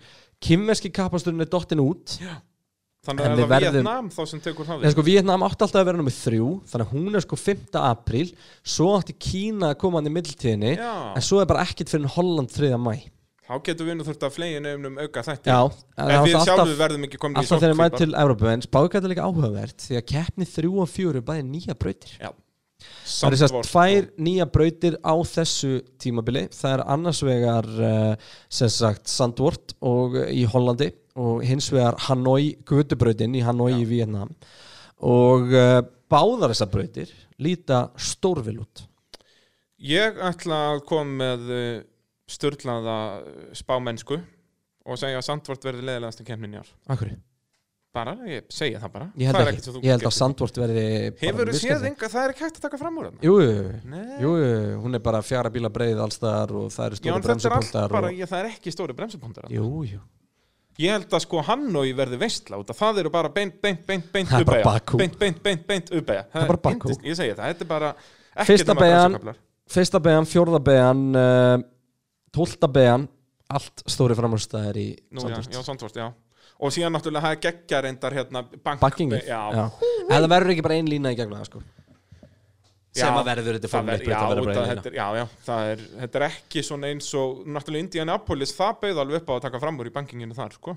Já, þetta gæti gert það Nei, þetta er ekki nú, Indianapolis var alveg mun breyðara, sko. Það var líka bara svo langt Já. Varst Löngu, já, það er rétt. Þetta verður ekki, sko, Það verður að tala um Indianapolis mögulega aftur inn í formúluna nú, Mhm. eftir kveldskituna 2005. Ég var einmitt að klára það núna bara rétt á hann komum hérna Ha, að horfa á dekkjafíaskoðið þar. Og talandi um var, ekki bara has að kaupa hana það geti verið. Það var einhver, einhver svona Einhver stór svona amerísk já. einhver svona stór amerísk fjölskylda Kappos, ég man ekki hvort það var Sanardi eða Haas það var hann hvort En, en uh, talandi um dekkjafíaskoðið þarna á. Indianapolis, að þá náttúrulega gerist það að öll Michelin leiðin keft ekki, það Já. voru bara sex bílar Ég man brautinni. eftir þess að kemna ennþá Þetta er rugglað sko og, En núna náttúrulega eru Pirelli komið sér dekk bara fyrir Sandvort Já, bara út af bankinginu Já, bara sem að er Stýra, Stífari Já, sem að þeir, já, greinilega lærðu af Michelin að, að vera ekki með skítinn í, í veftunni Planið var að vera með 21 keppna þessu, nei 22 keppnir á þessu ári en kynverska keppnin fer ekki fram uh, að svo stöttu það er hins vegar verið að bæði skoða að bæti inn einhver annari keppni Já. eða þá að Kína komi inn þú veist Seint. undir lokin þarna eh, einhvern tíman þegar að uh, þú veist annarkvæmt þeir eru hann í Rúslandi og Japan eða, eða eitthvað álíka sko en það náttúrulega fer allt bara eftir ástandinu sko Sko núna var í fréttum í dag að, að stjórnvöldi Vietnam eru búin að vera svona downplaya svolítið koronaveiruna þar í landi Já, það getur vel verið að eitthvað fari í rugg þar líka sko. Og við ég náttúrulega vitum ekkert eitthvað- með þessa koronaveiru Nei, við þetta erum ekki, saman. við erum ekki sóttandalegnar, getur þér. Uh, Við teljum okkur vera spámennum formúlun en vitum ekki Vitum raskat. ekki neitt sko. uh, Spurning til þín Kristján Einar Kristjánsson Yes. Hvaða braut myndir þú vilja fá inn í staðin fyrir kynna? Eitthvað braut sem hefur ekki verið kæft á Sko, við erum náttúrulega fárölda nörbrugging sig inn í hjá, sko. Já, Mér finnst mér ennþá fárálega choice, að Hockenheim sé ekki eftir Ég meinti, ég Hockenheim, ég sorry. Hérna, ég var bara að hugsa Þískaland, ég er að tala um Hockenheim. Mér finnst nörbrugging ekkert aðeinslega kafasbreyt, hún er fín formuleikbreyt en ekkert mögnuð, sko. Já, hún er eiginlega ég myndi betri vilja svona henda- DTM-braut Þú vilja henda Frakland út kannski og fá hana? Já, þessi fraklandsbraut er náttúrulega bara grín sko. Já, þú veist, ég geta bleitt hana, gerðu það bara. Já, ná, já það er svolítið, það er sprinkler Þetta er, þetta er testingbreyt, sko. Þú vil vera það geggjað. Börni Eccleston á hann, náttúrulega. það var, já, þetta er líka ekta börni að vera með, hann var alltaf að tala um þetta að setja, en þú veist, þetta er náttúrulega Þetta er sérst braut sem er hönnuð uppalega nei, hún er ekki hönnuð uppalega, þetta er gömul kapparsbraut. Já, já, en Svo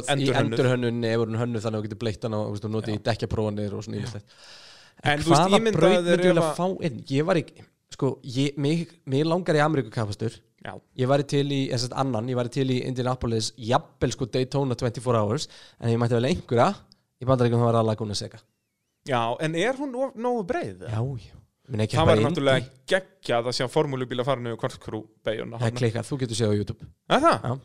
Þá hvetu áhörundi til að gera það, ég ætla að gera það. Um, Minnir hafa verið Toyota sem gera það, Það er náttúrulega þetta bara Hvort að Red Bull gera það líka Er, Hvenær ég- er ætlum ég að fá gleyma einhverju, er að gleyma einhverju eða?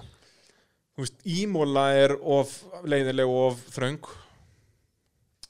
Þú veist, eins og ég var núna svo ég minnist aftur á þess ár sem ég var að horfa svona review Ímóla kappastunum var alltaf drep leiðilegur gerðist ekki neitt. Ég man ekki að því. Um, Ég veit ekki hverju við erum að gleyma sko. Þú veist, eins og hún var nú ágætt brautin hérna í Suður Kóri sem var bara í tvö árið Já, það er náttúrulega tvær svona draugabreytir hérna Söður Já. Kóri og Indland Akkurat, já sem byrtust Svo bara bara hérna, 2010 til var, 2012 var ekki. Fettel heimsmeistar á tímann? Jú, akkurat, 2000 og var það ekki allu um, Söður Kóriubreytin var ágætt Já, fyrsta reysi í Suður Kóri var geggjað. Þeir náttúrulega lendi í því að það var ekki búið út en infrastruktúrin þannig og liðið mættu og gistu og sem bara græði fyrir þá var það bara eitthvað vendishús sem var búið að tæma út fyrir það Þetta er dagsatt sko, já, bara eitthvað út í sveit. Það ég meina, Hún var ekki nálægt neinu minnsta bæin sinni, sko. Nei, Hún var bara er þetta middle of nowhere. í dag, skilur, út af það er ekkert þarna. En um, Alltaf sko Já, ég, Ég veit það hvað ég vil ekki. Valenciubrautin, Guðminn Almáttur Já, hún var ekki góð. Sko það er nefnilega fín kapparsbreyt í Valencia sem heitir Ricardo Tormo en hún er ekki Formule 1 quality sko. Um, Ég bara nei, þú veist, er af því sem svona kemur til greina sem væri auðvelt að fara til er þú veist Herað það væri, það væri sjens, hún er bara klár náttúrulega bara MotoGP standard. Það er Hockenheim, það er Nürburgring það er mögulega hérna Donington. Í Brellandi já um, Hvernig eru þeir ekki að endur gera eitthvað Brands Hats núna? eða? Ég held að ég Brands Hats verður aldrei með Formule 1 kefni sko. Nei, er þetta ekki líka allt of lítið svæði? já, rosa lítil og, og hérna og um, Það voru nú Já, nokkuð sko, það, er löng, það er löng brandsatsbreyt sko. en hún er oftast kerið í svo kvöldi klubbútgáfi sem er svona stutt sko. Eða indie útgáfi um, en það er eitthvað svaka mál með háa takmarkinu og svona eitthvað fólk sem fór að kefta sér fastegna og bara, eitthvað, heyrðu, nei, það er alltaf mikið læti hérna. Það er einhverjir formúlubíla þannig að hérna ég veit ekki, ég held að Hockenheim sé svona svo sem meikar sens, það var eitthvað að tala um Mugello líka, Hvað er það? það eru Ítalíu Já, og hérna það er svona búið að tala um ímislegt en mér finnst nú bara langlíklegast að í bara engin önnur. Ó já, þarna kostum við það Er það ekki? Jú. Magnikor sem geggjuð Ó, ég sakna Magníkur. Ef við getum hent Pól Ríkard út og fengi bara Magníkur. Já, nákvæmlega, bara franski kappaksturinn Hún er geðveik. Það Ég- voru alltaf, af hverju var hægt þar? það Bara einhver peningar. pólitík Já, ég hef keirt hana og það er bara, ég elska þessa braut, sko. Og hún er líka ekta svona bara fullt af bremsuköflum og bara Já, geggjuð og Og, líka svakalega mittilsektorið í henni er, og- er geggjuð, Já. hérna, sixackið, já Og það er bara fullt af góðum svona á hana, sko. Já, þú veist, eigir allur, allt mittilsektorið þar er svona bara Silveston dæmi í rauninni, svona hérna hraðar, já, já, Magnikor, það verður geggjuð að fá, fá hann aftur inn? En, uh, að ræða þá aðeins þetta Ferrari mál? já, ég held að við ættum að gera það. Og ég er að reyna að finna hérna í fljótu bræði sem sagt fréttatilkynninguna sem kom frá uh, hérna frá FIA. Um, FIA sem sagt sendir út fréttatilkynningu 5 mínútur í 6 á föstu degi þegar að æfinganda klárast. Þannig að þegar liðin brjálast þá er enginn til að svara þeirra fyrirspunni þegar er bara allir farnir af brautinni. Og þetta er bara búið. Og uh, sko, þetta var raun og verið þannig að, að hérna að sem sagt uh, ég er að finna hérna, sorry. Að sem sagt að FIA hafði svona reached a settlement sem sagt náð uh, Já, já, að- sáttmála með Ferrari eh, eftir að hafa Sko, skoða vélarna þeirra. finnst mér mjög spes. og þeir sem segja hérna að eh, að í raun og veru sem sagt uh, þeir hafi skoðað þetta og hafi náð þessum, þessum, þessum sátt með Ferrari og það var svona aðalega um hvernig þetta er þið governað í framtíru fylgst með þessu og hérna að máli væri látið falla niður raun og verið þar Já, og Se- en- díla það bara svona við Ferrari Já, en það sem svona. þetta segir er bara, ég veit þið voru að svindla ég get bara ekki sannað Já. Og þeir sögðu það líka, Benotto, sagði hann það ekki beint út? Nei, Var það fíja, eitthvað staðar heyrði það bara að það er, bara allir hinni Já, og það er eitthvað svona í þessu þú verður að geta sannað það svona veist, þetta er, þetta er bara eins og þetta er rauninu bara eins og í sko death row dæmi, þú verður bara geta sannað umfram allan grun og allan vafa að þetta hafi gest og svo hjálpar það ekki til að ferri voru bara drullu hægir í Barcelona núna sko. Já, en þegar við segjum það þá voru ferri customerliðin ekki hæg í, í þess að trapp sem að segja manni aftur að mögulega voru ferri að sandbaka. feitt eða þá bílinn, þeir að fara í alltaf átt í ár í fyrra voru þið með svona ultra low dragbíl sem var með jafn litla mólstöðu og hægt var og var náttúrulega bara eins og einhver geimflug á, á beinuköflunum en vantaðist það að hraða í beinunum núna er er það að taka hinn áttina sko þannig að þú Er veist, það ekki fyrir eitthvað skrítið svona milli ára að menn fari alveg svart og hvít? jú því að það getur náttúrulega allt farið í rugg sko. Já, það getur svolítið komið bara í raskandi að þeim sko. En þetta er í raun og veru þetta er rosalega skýtu öll hinn hérna liðin eru náttúrulega brjálu yfir þessu nema Haas og Alfa Romeo. Skiljanlega og hérna þannig að þetta var þetta var ógeðslega þetta er ógeðslega skríti saman. Þetta á ekkert þetta að þagna alveg strax sko. Nei, ég meina, sko, það bara að Fía og Ferrari bara svona takist í hendur án þess að tala við nokkurt annan annan aðila, bara heyrðu, nei, bara lofið að gera þetta ekki aftur veist, þetta er, þetta er pínu skrítið, sko, en Já. maður skilur svo sem líka, veist, þetta er nefnilega ef það er ekki hægt að sanna þetta, þá náttúrulega bara er ekki hægt að sanna þetta. Þetta er En ég meina, nefnilega hefur þeir svolítið ekki geta skrítið, gert sko. þetta einhvern veginn aðeins betur, bara látið málið falla, eða þú veist Mér finnst bara svo steikt þetta, sko, samkomulag. Það er bara eins og, þú veist, að Ferrari hafa bara borgað þeim eitthvað og bara mafían sér um þetta.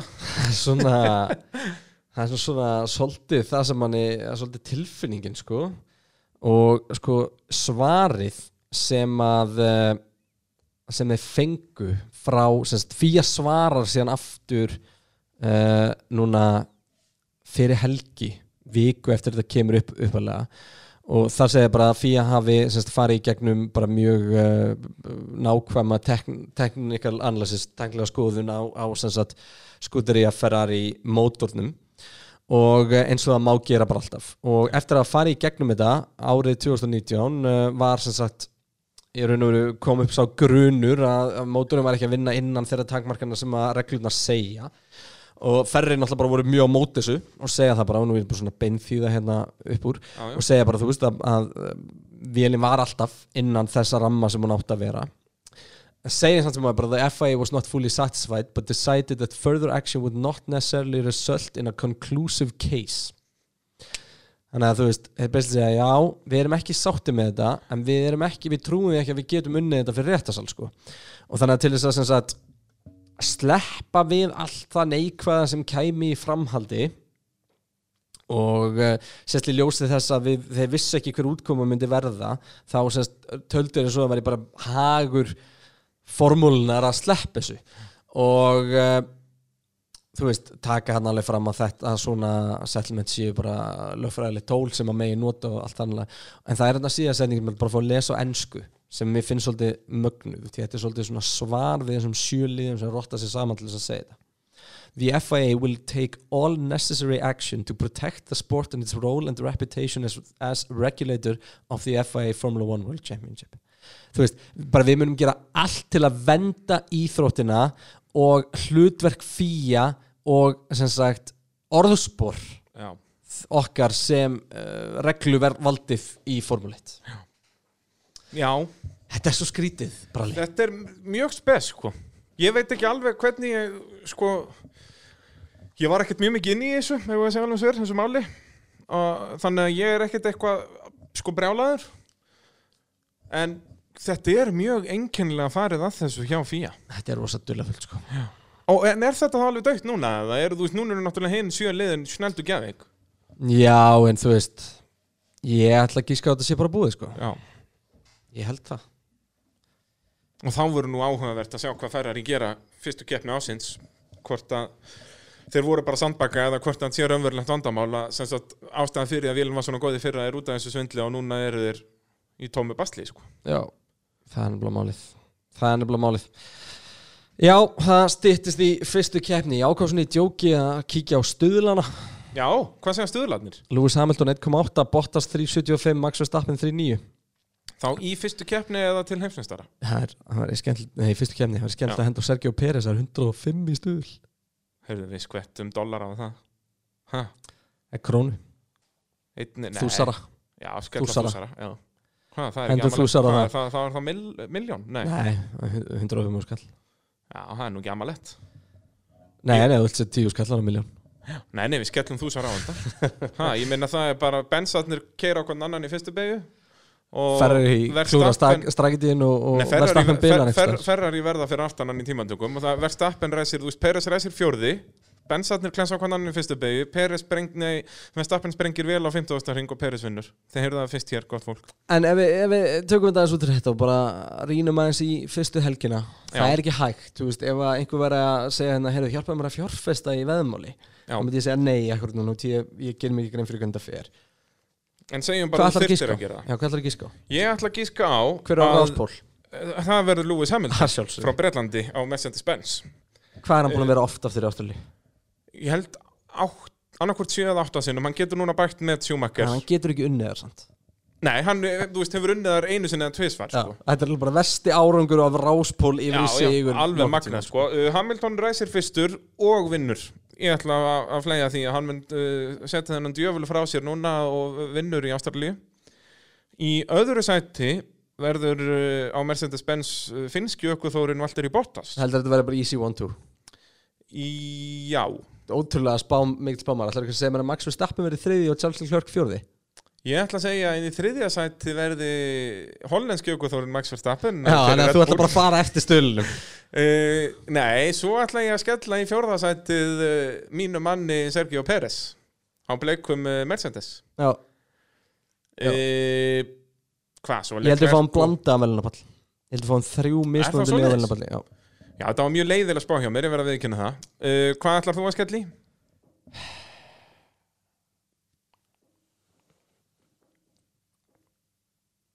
sko, Já, gott fólk, þá er tíminn búinn. Hérna Það er svo auðvelt að segja Hamilton vinni sko. En samt ekki, hann hefur ekki staðið sér vel hann undanfærin ár. Nei, Hver verður á ráspól? Hamilton. Já, takk fyrir. Um, Svo bara tekur vettel þetta Veistu það ég, ég sko, ég get ekki gefið þér raun hafa spá. Þannig ég ætla Vettel að var hann segja hitti fyrir það, ég, ekki? ætla- ég ætla bara að giska á út í bláin að Max Verstappen mæti heitur og taki fyrstu kefna Ú, það væri reynda juicy stuff. Það væri það, Hver verður annar? Bottas. Þriði Það verður þá að vera alveg klærk eða vettel Eða bleikur Mercedes. Ég held nefnilega að Hamilton klári ekki. Það er svo leis Já. Hvað, Billeri? Já, Já. hann gerir ekki mistök. Ég held að það er billir í hún Já, Nei, ég, veist, ég veit ekki, billir í mistök, hún, eitthvað. Það getur eða eitthvað. bara Billeri í tímatökum og ræsir 20 vesti eða eitthvað. Já, þá vinnur hann samt sko. Nei, það vinnur ekki, hann, Nei, þá ég endar hann þriði Hérna, nei, ég ætla að segja að verði McLaren í þrjá Nú, Ég ætla að segja að þetta verði hvað er stórskendli kefni Sainz eða Norris? Sainz. Já. Og er ræsir samt 12 og Nei, að hann er bara ræsi bara þeir verða ekki í þessu vesinni, það er eitthvað vélar Já, það er hérna, skipti og svona vesin núna. Þannig að hann ræsi bara Sjötti, 50-70 já. eitthvað sko. Og þá Og- sýnir hann, já, Já. úf, þetta er einn góð spá. Ég held að og en Hvar allt þetta bensarnir? farið í rugg ef að Lewis Hamilton bara gerir það sem hann kann. Jú, og það verður ekkert vesin í bleikubensinu verða hann í fjóraða eða fymta eitthvað líka. Þetta, ég held að verði bara svo jamt þetta verður veit. geðveikt. Þetta byrjar allt á sunnudaginn og uh, og þar verðum við. þar verðum, ja, við verðum því miður verðum við ekki þar Já, í er- einhverju koronapartíi nýri Ástralíu. En uh, eins og staðin núna fyrir keppnin fram þannig að við, við loðum, við, við slum setja út svona einnar mínútu þagnar podcast ef að keppnin fyrir ekki fram til að láta ykkur vita en þetta allavega var pitturinn að þessu sinni bralli. Þetta er ekki bara gott? Þetta er bara indislegt sko. Einn og hálfu tími bara liggum við upp á sekundu Er og fólkið sem hlusta á þetta er engu nær Nei, nei, blessa, verður maður. Eina Enda sem að veit við er að það erum er og Mercedes. Já, og ég hata Vettel.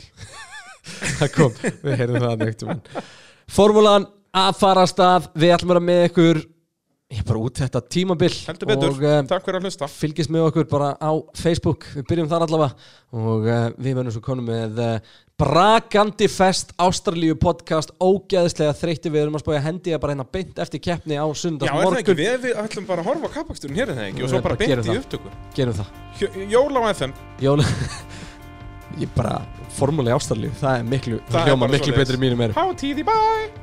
Sjáumst næst. Takk að sinni